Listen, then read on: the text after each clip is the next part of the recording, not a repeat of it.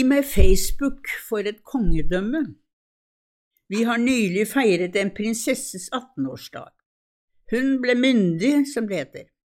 Men denne prinsessen blir veldig mer myndig enn oss andre den dagen. Hun trer aktivt inn i arverekken av norske monarker. Hun skal i fremtiden bli majestet, og må dermed fra nå av, innimellom studier, fremstå og opptre og ta del i det offentlige begivenheter og ikke lenger bare som datter av et kronprinspar. 18-årsdagen ble en stor markering både i det offentlige rom og i samtlige media, bortsett fra Dagsavisen.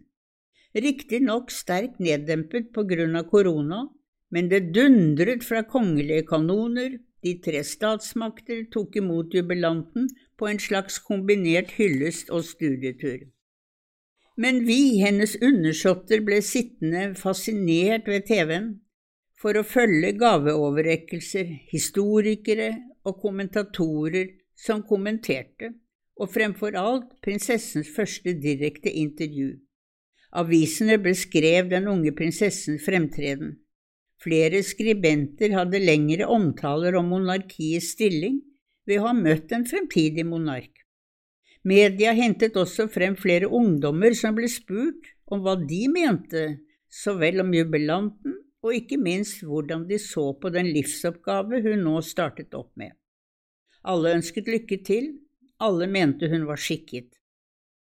Kongedømmet står og faller med de mennesker som sitter på tronen, som det heter. De må bli respektert av folket, og de må rett og slett være likandes. Og folket, det er oss på sosiale medier.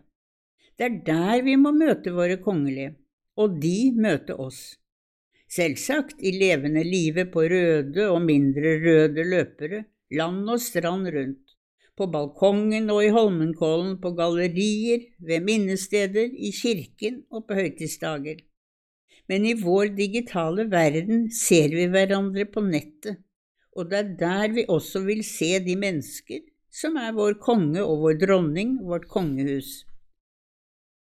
Går det da an å kombinere dette med den distanse og den opphøyethet, den glans, som også er viktig i et monarki? Det er ingen vei utenom. Det er der fremtiden vil måtte ligge for en styreform som på mange måter er gammeldags. Kongehuset må lære seg å opptre og beherske de sosiale media. Selv tror jeg det er en stor mulighet for å vise folket hva de faktisk gjør, hvor strevsomt de også har det, hvorledes de forbereder seg og gjennomfører alle sine plikter og oppgaver i inn- og utland. Det som sjelden kommer frem i diskusjonen og omtale av vårt kongehus, det er hvilken utrolig rik livsoppgave de menneskene har. Det må da være flott å vite hva du skal bli til, vi andre roter jo rundt. Og hvor enestående det er å faktisk bo og tilhøre et helt land. Vi andre har kanskje 20 tilhengere, de har millioner.